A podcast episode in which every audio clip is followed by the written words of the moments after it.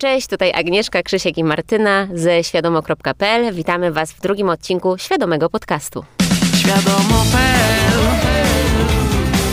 Świadomo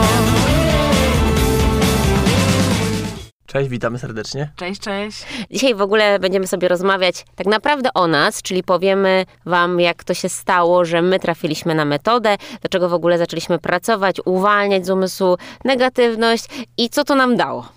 Dobrze, więc y, w kontekście mojego osobistego doświadczenia, ja jak miałem, jak byłem nastolatkiem, miałem 13-14 lat, pamiętam, że miałem bardzo niską samoocenę. Uważałem się za brzydkiego, za niewartościowego człowieka, który no nie ma jakichś specjalnych talentów, możliwości, umiejętności. Wtedy e, spotkałem pewną osobę, która e, dawała mi korepetycję z języka polskiego i to była pierwsza osoba od jakiegoś chyba dłuższego czasu w moim życiu, która powiedziała mi, że to, co ja myślę na swój temat, to jest totalna nieprawda, że to jest totalna bzdura. I wtedy ja, przez to, że ona była autorytetem dla mnie, ta, ta pani, ta kobieta, która dawała mi korepetycję, miała taką bardzo dobrą energię. Więc ona kilkoma zdaniami tak naprawdę podczas tych korepetycji mnie uświadomiła mi, że to wcale nie jest tak, jak ja myślę. I ona to powiedziała z takim przekonaniem, że mi to w momencie kliknęło. I teraz dlaczego to mówię? Dlatego, I, że... I dlatego też kliknęło, ja myślę, ja tutaj dodam coś od siebie, bo e, ona to mówiła jakby naprawdę to czując, czyli ty czułeś, że w tym jest prawda, prawda? I to jest taki jeden z takich aha momentów zmieniających życie Tak. i transformujących coś w tobie. I teraz dlaczego ta historia? Dlatego, że podcasty, które nagrywamy, są w kontekście uwalniania emocji z naszego umysłu i uwalniania e, programów, przekonań, to w co my wierzymy. Mamy dużo fałszu, w który wierzymy, który nam szkodzi. I tym fałszem było przekonanie. Ja byłem przekonany, wierzyłem w to, że jestem jakimś niewartościowym, nieładnym chłopakiem, który no, nie ma za bardzo perspektyw, a to nie była prawda. I ta, to, że ktoś mi to powiedział, komu ja wierzyłem, ja uwierzyłem, że ta osoba mówi to z takim przekonaniem, zobaczyłem, że ona chyba tak myśli naprawdę. Jak, I w moje, wtedy w moim umyśle ten program, to przekonanie, że ja jestem niewartościowy, brzydki i tak dalej, to przekonanie zostało zakwestionowane w tym momencie. I to był dla mnie moment, w którym coś się zmieniło we mnie. To parę zdań tak naprawdę. Osoba powiedziała mi swoje zdanie z pełnym przekonaniem na mój temat. Powiedziała mi po prostu, że się mylę, że to wcale nieprawda, co ja mówię. I przez to, to, to ten program, to przekonanie zostało zakwestionowane, podważone. Ja zacząłem myśleć, że może rzeczywiście to nie jest tak do końca, że coś jest ze mną nie tak, że jestem nieatrakcyjny i że jestem mało warty. Więc to była to było jedno z takich przełomowych wydarzeń w moim życiu, którego na pewno nigdy nie, nie zapomnę, bo do tej pory wspominam tą osobę.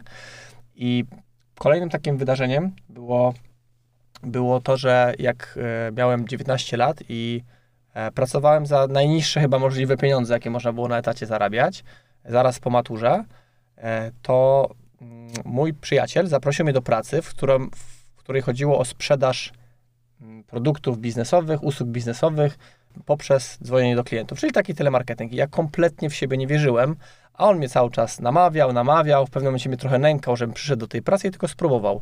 Ja miałem program w podświadomości, przekonanie, że ja się do tego totalnie nie nadaję, że tego nie umiem, nie mam talentu do tego, no ale w końcu mnie przekonał, więc przyszedłem do tej pracy i w pierwszy dzień sprzedałem kilka abonamentów, tak po prostu słuchając, co on mówi, zacząłem mówić to samo dokładnie. Nastąpił ten sam proces, czyli poprzez doświadczenie moje, nagle okazało się, że to, co ja utrzymuję w swoim umyśle, jest mi wmówione. Czyli to nieprawda, że ja nie umiem, nie mam talentów, nie potrafię zrobić czegoś, co ktoś potrafi zrobić, co ja na przykład podziwiam, że zarabia trzy razy tyle, co ja, czy pięć razy tyle, co ja w, w takim wieku. I okazało się nagle, bum, jednak mogę. Czyli musiałem spróbować i okazało się, że mogę. I kolejna sytuacja, w którym program został zakwestionowany i on się, przez to, że on został zakwestionowany w praktyce, bardzo szybko się zmieniło moje, na- moje nastawienie i od tamtej pory już nie wróciło mi nastawienie, że ja nie jestem warty, żeby Mhm. zarabiać jakieś konkretne pieniądze. Tak, bo wiecie, to naprawdę mm, chodzi o to, że właśnie, że te programy fałszywe, my jesteśmy nimi bombardowani od dziecka, czyli już słyszymy od rodziców jakieś fałszywe rzeczy, w które wierzymy, no bo rodzice są dla nas autorytetami i my jako małe dzieci no nie podważamy, bo jak ktoś, kto jest większy od nas, mądrzejszy z założenia, może mówić jakąś nieprawdę, więc my, nasza podświadomość od razu i umysł wierzy w to, że to, co mówią rodzice jest prawda. Jesteśmy programowani w przedszkolu, w szkole, w telewizji nas programują, nawet oglądając ostatnio Świnkę Pepę, była tam taka historia, że był odcinek, akurat widzicie, tak trafiłam, że e, jakaś tam królowa tego kra krainy, u świnki Pepy, dała nagrodę pani, e, pani króliczkowej, czy tam zajączkowej, jakiejś tam pani, jakiej, jakiemuś zwierzątku, e, nagrodę za to, że tak ciężko pracuje. No i, i zobaczcie, jaki tu się od razu dzieciom wgrywa program ogl- oglądający taką bajkę, że trzeba ciężko pracować, żeby zasłużyć na jakąś nagrodę. Jeszcze w tej, w tej bajce, w tej śwince Pepie było tak podkreślane, że ona z jednej pracy idzie do drugiej, że ona nie ma czasu na nic innego, tylko pracuje, pracuje, pracuje. Okej, okay, jakby są osoby, które pracują, dają światu z siebie jak najwięcej i im to sprawia radość, ale tam to było w takim kontekście, że to jednak jest trochę zmaganie i że trzeba się poświęcać y, swoje jakby potrzeby na rzecz tego, że trzeba robić coś, co jest zmaganiem, cierpieniem, nie ma się czasu na nic innego, żeby zyskać nagrodę, tak, nie? I to jest tak. już program, który dzieci oglądają taką bajkę i się mówią, aha, czyli to jest normalne, że ja jak dorosnę, to muszę się zmagać w swojej pracy, cierpieć, żeby dostać na, na przykład najniższą krajową. Tak, i oczywiście autor pewnie Świnki Pepy nie miał tego na myśli, żeby programować dzieci, ale e, może nie, za, e, nie zatrzymał się, nie zastanowił, że wystarczyłoby zmienić tylko trochę i powiedzieć, że bardzo dużo pracuje z ogromną radością, bo bardzo to lubi. I to już jest inny program, że można bardzo dużo robić, działać, działać, działać, działać, ale z radością i z chęci, a nie ciężką pracą. Tak, i, i pamiętając też na odpoczy- o odpoczynku, o tym, żeby się zregenerować, zrelaksować, żeby też jakieś swoje pasje spełniać, prawda, tak. bo to też jest ważne. Natomiast jeszcze ja podam jeden przykład z mojego życia, bo tutaj świnka Pepa jakby nie jest z mojego życia, tylko z życia mojego dziecka bardziej. Natomiast z mojego życia. E, ja taki program, mm, taki bardzo... E, to jest taka historia, którą ja często powtarzam też na różnego typu live'ach, warsztatach. Program, który ja um, naturalnie zakwestionowałam. Nie wiem, bo wtedy się kompletnie nie zajmowałam tym, czym się zajmuję, więc nie miałam świadomości tego, że to jest tylko program. Kiedyś e, miałam bardzo poważne problemy z krwią. Trafiłam do szpitala. E, twierdzili, że w, w każdej chwili mogę dostać krwotoku wewnętrznego. Nie wiedzieli w ogóle, co z tym zrobić. Bardzo tam te wyniki wychodziły jakieś kosmiczne. No i moja mama ubłagała jakiegoś takiego profesora top, od, e, typowo od krwi, żeby mnie przyjął. Tam w ogóle on nie przyjmował nikogo już nowego, ale ona tam dzwoniła, płakała mu, że córka jedyna, że coś tam, wiecie. No i w końcu się zgodził i, i mnie przyjął. No i pojechaliśmy do tego profesora i on tak patrzy na te wyniki i tak mówi, no wie pani co, no tutaj chyba raczej tak białaczka, wiesz, wszystko na to wskazuje. A ja sobie wtedy tak pomyślałam, w ogóle mówię, co w ogóle mówi, jaka białaczka? I wiecie, jakby podważyłam to, czyli ja nie dałam się zaprogramować znowu komuś, kto dla podświadomości jest tak naprawdę autorytetem, no bo profesor od krwi to e, umysł od razu ma taki, taki, wiecie, no jak ktoś taki może się mylić, przecież on się uczył w tym kierunku, przecież on wie, co mówi. Natomiast ja jakoś tak naturalnie to podważyłam, mówię, co on w ogóle mówi, jakiś w ogóle pomylił się na pewno. I e, jakby zakwestionowałam, że to jest nieprawda, no i trzy miesiące później oczywiście e, zaczęłam fajne rzeczy robić, coś, co zawsze chciałam robić, e, bo tak stwierdziłam, no dobra, no to co mi, co mi pozostaje? Jeśli się nie myli, no to chociaż sobie porobię fajne rzeczy, czyli zapisałam się na przykład na filologię hiszpańską, na którą zawsze chciałam chodzić, e, wróciłam do radia, do pracy w radiu, e, zaczęłam po prostu tak naprawdę z radością przeżywać każdy dzień, no i po trzech miesiącach zrobiłam wyniki krwi i wszystko wróciło do normy, także to jest znowu potwierdzenie tego, że kasując program, po prostu wszystko się zmienia. My nie musimy walczyć ze światem zewnętrznym, żeby coś zmienić, tylko wystarczy skasować fałszywe fałszywy program z naszego umysłu.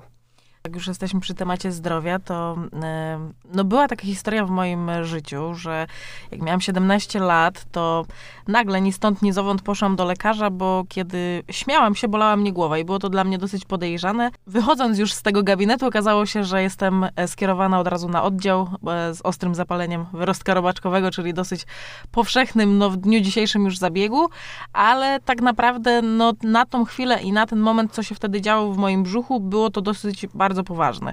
No i ja tam w ciągu trzech godzin tak naprawdę już byłam na stole, zostałam zoperowana. Operacja generalnie się przedłużyła. No i okazało się, że są dosyć duże powikłania bo nie przebiegła operacja tak zgodnie z planem, jak miała przebiec.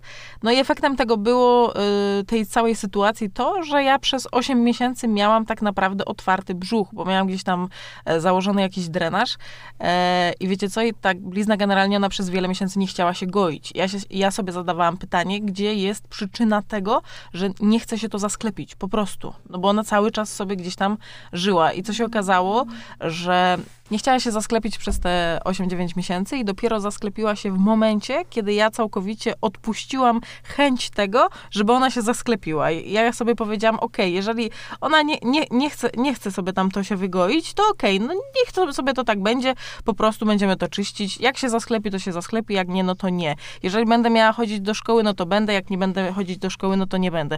No i w tym, w ciągu dwóch tygodni blizna się zasklepiła. Czyli puściłaś pragnienie po prostu, żeby coś było już natychmiast tak, jak Tak, ty chcesz, nie? tak, I to są te tak. programy też, pra- pragnienia też są programami. Tak, ale żeby mój umysł w końcu to zrozumiał po tylu miesiącach tego, że, że ta rana była otwarta, no to zobacz, ile miesięcy musiało upłynąć, żebym ja w końcu Mhm. zrozumiała, że, e, że ja muszę to odpuścić. Że, że, że okej, jeżeli, jeżeli tak ma być, to niech tak będzie, po prostu. Kolejna historia, e, którą e, chciałem się podzielić, to e, utrzymujący się na początku zaczęło się od bólu głowy i też teraz mi się przypomniało, że właściwie też byłem w szpitalu, żeby sprawdzali mi tą głowę, bo miałem, e, prze, przez rok mnie bolała głowa, ja nie chciałem żadnych tabletek, nigdzie nie chodziłem do żadnych lekarzy, ale po roku stwierdziłem, hmm, no jak mnie rok boli głowa, no to pójdę sprawdzić, no bo to już tak trochę nie, niezbyt normalne, że mnie Mhm. przez rok boli głowa. To jak miałem 20, e, 22 lata, to się zaczęło.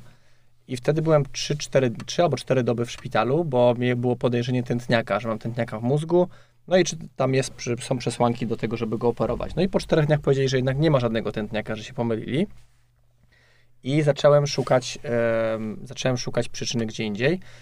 Zaczęło mnie, zaczął mnie boleć kręgosłup. Zaczął mnie boleć kręgosłup w lędźwiowym odcinku, potem w szyjnym, w środkowym i tak ten kręgosłup coraz gorzej, coraz gorzej. Aż w pewnym momencie doprowadziłem, doprowadziło do takiego stanu, że już e, miałem problem nawet, e, żeby stać w miejscu, bo tak mnie ten kręgosłup bolał. Musiałem albo leżeć, albo chodzić, bo tak to był cały czas ból. Przez 3,5 roku cały czas mnie to bolało i uniemożliwiało mi to już w wieku dwudziestu kilku lat, uniemożliwiało mi to e, takie normalne funkcjonowanie i sport, który wcześniej był bardzo obecny codziennie prawie w moim życiu. E, I gdzieś z tyłu głowy cały czas wiedziałem, że coś się da z tym zrobić, ale jeżeli lekarze, fizjoterapeuci mówią, że no tam jest jakiś, e, jest wypuklina dysku, jest problem taki, taki, taki, no to ten umysł świadomy w to, w, to wierzy, natomiast gdzieś cały czas miałem z tyłu głowy, że jednak na pewno musi być jakieś rozwiązanie tego. No i co się okazało, żeby skrócić tą historię, okazało się, że e, przyczyną były stłumione emocje. To była głównie, e, to było głównie poczucie winy, e, obwinianie, nienawiść, złość, które miałem tak mocno stłumione w sobie, niewyrażone, to wszystko było nieprzepracowane, nieuwolnione, że to ta, ta energia emocjonalna, ona mi się skumulowała, stłumiła w okolicy kręgosłupa, no i w głowie wcześniej. Potem mi z głowy przeszło, przeszło mi na kręgosłup, więc ta, ta energia też tak się przemieściła. I jak uwolniłem e, częściowo ładunek emocjonalny związany z tymi wszystkimi doświadczeniami, które miałem, to ból kręgosłupa po 3,5 roku, jak ręką odjął w moment, po prostu całkowicie przeszedł.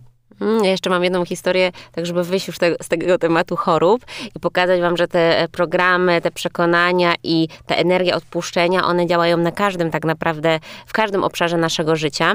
E, Ja jeszcze zanim poznałam Krzysia, który obecnie jest moim mężem, e, miałam taki okres, gdzie dwa lata byłam no, singielką i spotykałam się z różnymi mężczyznami, chodziłam na randki i po jednym, dwóch spotkaniach z różnymi tam panami, wgrało mi się takie przekonanie na podstawie obserwacji, ale to oczywiście był tylko program. Ja uwierzyłam bardzo, że faceci w dzisiejszych czasach są tacy bezjajeczni e, i nie wychodzą z inicjatywą, e, trzeba jakby o nich zabiegać, trzeba samemu pisać i bardzo jakby to mi się tak wgrało, że ja na podstawie tych dwóch egzemplarzy, które akurat się trafiły, uwierzyłam w to, że wszyscy tacy są, że nie ma po prostu faceta w męskiej energii. I tak bardzo w to uwierzyłam, że później z każdym kolejnym, którym się spotkałam, było po prostu historia się powtarzała, powtarzała, no bo oczywiście w świecie zewnętrznym projektuje się to, co my utrzymujemy w umyśle. Ja bardzo w to wierzyłam, że tacy są wszyscy mężczyźni. I dopiero jak sobie zdałam sprawę, gdzieś nawet napisałam taki komentarz, y, że faceci są bezjajeczni i... Mm, Babeczka, która prowadziła live'a, pod którym ja napisałam ten komentarz, zwróciła uwagę, że to jest tylko przekonanie. Ja to przekonanie skasowałam, wyczyściłam, powiedziałam do siebie, że to jest nieprawda. Przecież są faceci męscy, którzy wychodzą z inicjatywą, którzy e, jakby są w tej energii działania, no czyli takiej typowo męskiej. No i e, kasowałam to. E, później jeszcze miałam już taki okres, to było na przestrzeni miesiąca się działo, to kasowanie i ta energia odpuszczania, czyli miałam taki, taki moment, że tak sobie usiadłam, pamiętam, jeszcze wtedy mieszkałam w Warszawie.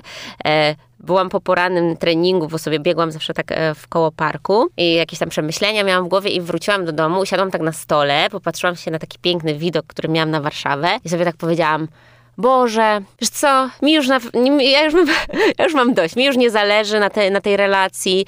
Mówię, odpuszczam totalnie, jeśli ma być ten facet już ten, ten odpowiedni, za 50 lat ja poczekam, tylko niech już to będzie ten odpowiedni, jak ma być za 5 lat, to też będzie ok, a jak ma być jutro, to też będzie fajnie. I w całkowicie, tak powiedziałam, że całkowicie ci ufam, jakby nie, nie mam żadnych wątpliwości, odpuszczam, nie robię już nic na siłę, nie spinam się, nie, nie płaczę po nocach i w ogóle. No i e, praktycznie e, w tym samym miesiącu poznałam mojego obecnego męża, który przed chwilą się wypowiadał. W momencie, kiedy my dostajemy jakąś lekcję życiową pod tytułem na przykład syndrom ofiary, czyli ja myślałem, że przyczyną tego, że mam chory kręgosłup, załóżmy, jest świat zewnętrzny, czyli na przykład ktoś albo coś, albo geny, jedzenie, trening, że coś takiego się stało na zewnątrz mnie, co spowodowało to schorzenie. Y, Więc ta lekcja, przez to, że została przerobiona też porządnie wtedy, y, wyciągnę, wyciągnąłem się tą lekcją z syndromu ofiary, ale gdybym tego nie zrobił i gdybym dalej obwiniał świat zewnętrzny o to, czego doświadczam, to potem by ta lekcja się powtarzała. No my mamy w ogóle tendencję do szukania kozła ofiarnego, nie? Czyli em, na przykład mamy jakąś relację, która jest toksyczna i zamiast em, pouwalniać to, co powoduje, że takiego partnera się przyciągnęło, to walczymy, uciekamy na przykład z relacji i za chwilę wchodzimy w inną relację i jest sytuacja dokładnie ta sama i myślę, że każdy z nas może e, powiedzieć, że, mia- że miał takie sytuacje w swoim życiu. Tak, tak. Ja generalnie zawsze miałam taki syndrom uciekiniera, nie? Czyli po prostu wchodziłam w relację, było przez jakiś etap fajnie, fajnie, fajnie, bo było zafascynowanie, bo był początek i tak dalej. Zaczarowanie. Tak, zaczarowanie po prostu. I nagle przychodził taki moment, kiedy wchodziło życie. Rozczarowanie. Rozczarowanie. Rozczarowanie i nagle wszystko się rozsypywało. I co robiła Martynka? No, pakowała walizki i ładowała się do następnej One way ticket. Tak, tak, mnie. tak. Tak, Nic tu nic po tu, po mnie, ładowałam, wiecie, walizki yy, do następnej relacji, do następnej piaskownicy, co się okazało, następna piaskownica była identyczna. Mhm. No i wiecie, po prostu sytuacje, które się wydarzały w moim życiu, po prostu się powtarzały. Jeżeli ja nie zrozumiałam w końcu, że w tym danym punkcie mojego życia we mnie jest ten problem i ja go nie przepracuję, to on się pojawi po prostu w następnej relacji. Tak, i to dotyczy każdego obszaru życia, bo znam osoby, które na przykład w pracy doświadczają ciągle tego schematu i twierdzą, że ojej, bo ta firma jest taka toksyczna, bo szef jest taki zły, ale idzie do innej firmy pracować i jest dokładnie ta sama sytuacja. Idzie do trzeciej, dziesiątej i jest ta sama sytuacja. Także co, każda firma na świecie jest toksyczna i niefajna i szef jest okrutny? No niestety nie, bo my też prowadzimy firmę, jesteśmy całkiem fajni. Tak, czyli podsumowując, jeżeli doświadcza osoba e, znowu takiej samej sytuacji i znowu obwinia świat zewnętrzny, że to się jej przytrafia w tym kontekście, że, jest, że jesteśmy ofiarą sytuacji. Że nie mamy wpływu nie na mamy nic. wpływu, że, że to nie my ją stworzyliśmy. Umywamy ręce, że nie ma, my nie mamy nic wspólnego z tym, z tym, z tą chorobą, nie mamy nic wspólnego z, tą, z tym stanem konta, z, tymi, z tą relacją i tak dalej, to my się oszukujemy i będziemy to przerabiać aż do momentu, kiedy zobaczymy, że my to stworzyliśmy. Więc polecamy im szybciej, tym lepiej. wziąć odpowiedzialność za e, swoje życie, za to, co utrzymujesz w umyśle. I teraz nasza Martynka nam tutaj e, zacytuje śpiewnym głosem, bo jest e, cudowną piosenkarką, e, utwór Mam tę moc z Krainy Lodu. Mam tę moc! No właśnie, także dzisiaj wszyscy wstają e, z, z cytatem Mam tę moc e, w sobie i po prostu idą jak dzik przez życie. Dzik. Jak nagramy dzik. kolejny podcast o tym, jak to zrobić. Jak być dzikiem. zrobić. Jak być dzikiem. Także bardzo Wam dziękujemy za e, dzisiejsze spotkanie. Mamy nadzieję, że te przykłady z naszego życia e, dały takie właśnie jakby naoczne Jakieś świadectwa, takie tak, tak, tak, naoczne świadectwa, Prawdziwych któ- historii. które po prostu, to nie, to nie jest ściema to, co my mówimy, to nie jest, że my przeczytaliśmy 100 książek i teraz siedzimy tutaj i się mądrujemy, tylko my naprawdę to, co robimy i to, o czym mówimy na sesjach, na warsztatach i tutaj, my to czerpiemy z naszego życia. Oczywiście książki też czytamy. Tak więc, tak, więc, Hawkinsa. tak, tak więc dzisiaj już dziękujemy wa- Wam bardzo. Do usłyszenia. Martyna. Agnieszka I Krzysiek. ze świadomo.pl Świadomo.pl Świadomo Tak. A może coś więcej? To był twój pomysł tematu, więc może A, dobra, dobra. rób nawik. Dobrze, no to ja w takim razie zacznę od e, swojej, e, jednej ze swoich historii. Co? Co? Ty mnie mogę ruszać? Co? Tylko po prostu jesteś taki śmieszny, no bo Aga ci powiedziała, że okej, że teraz to był twój pomysł. ty Tak, dobra, robimy to, nie?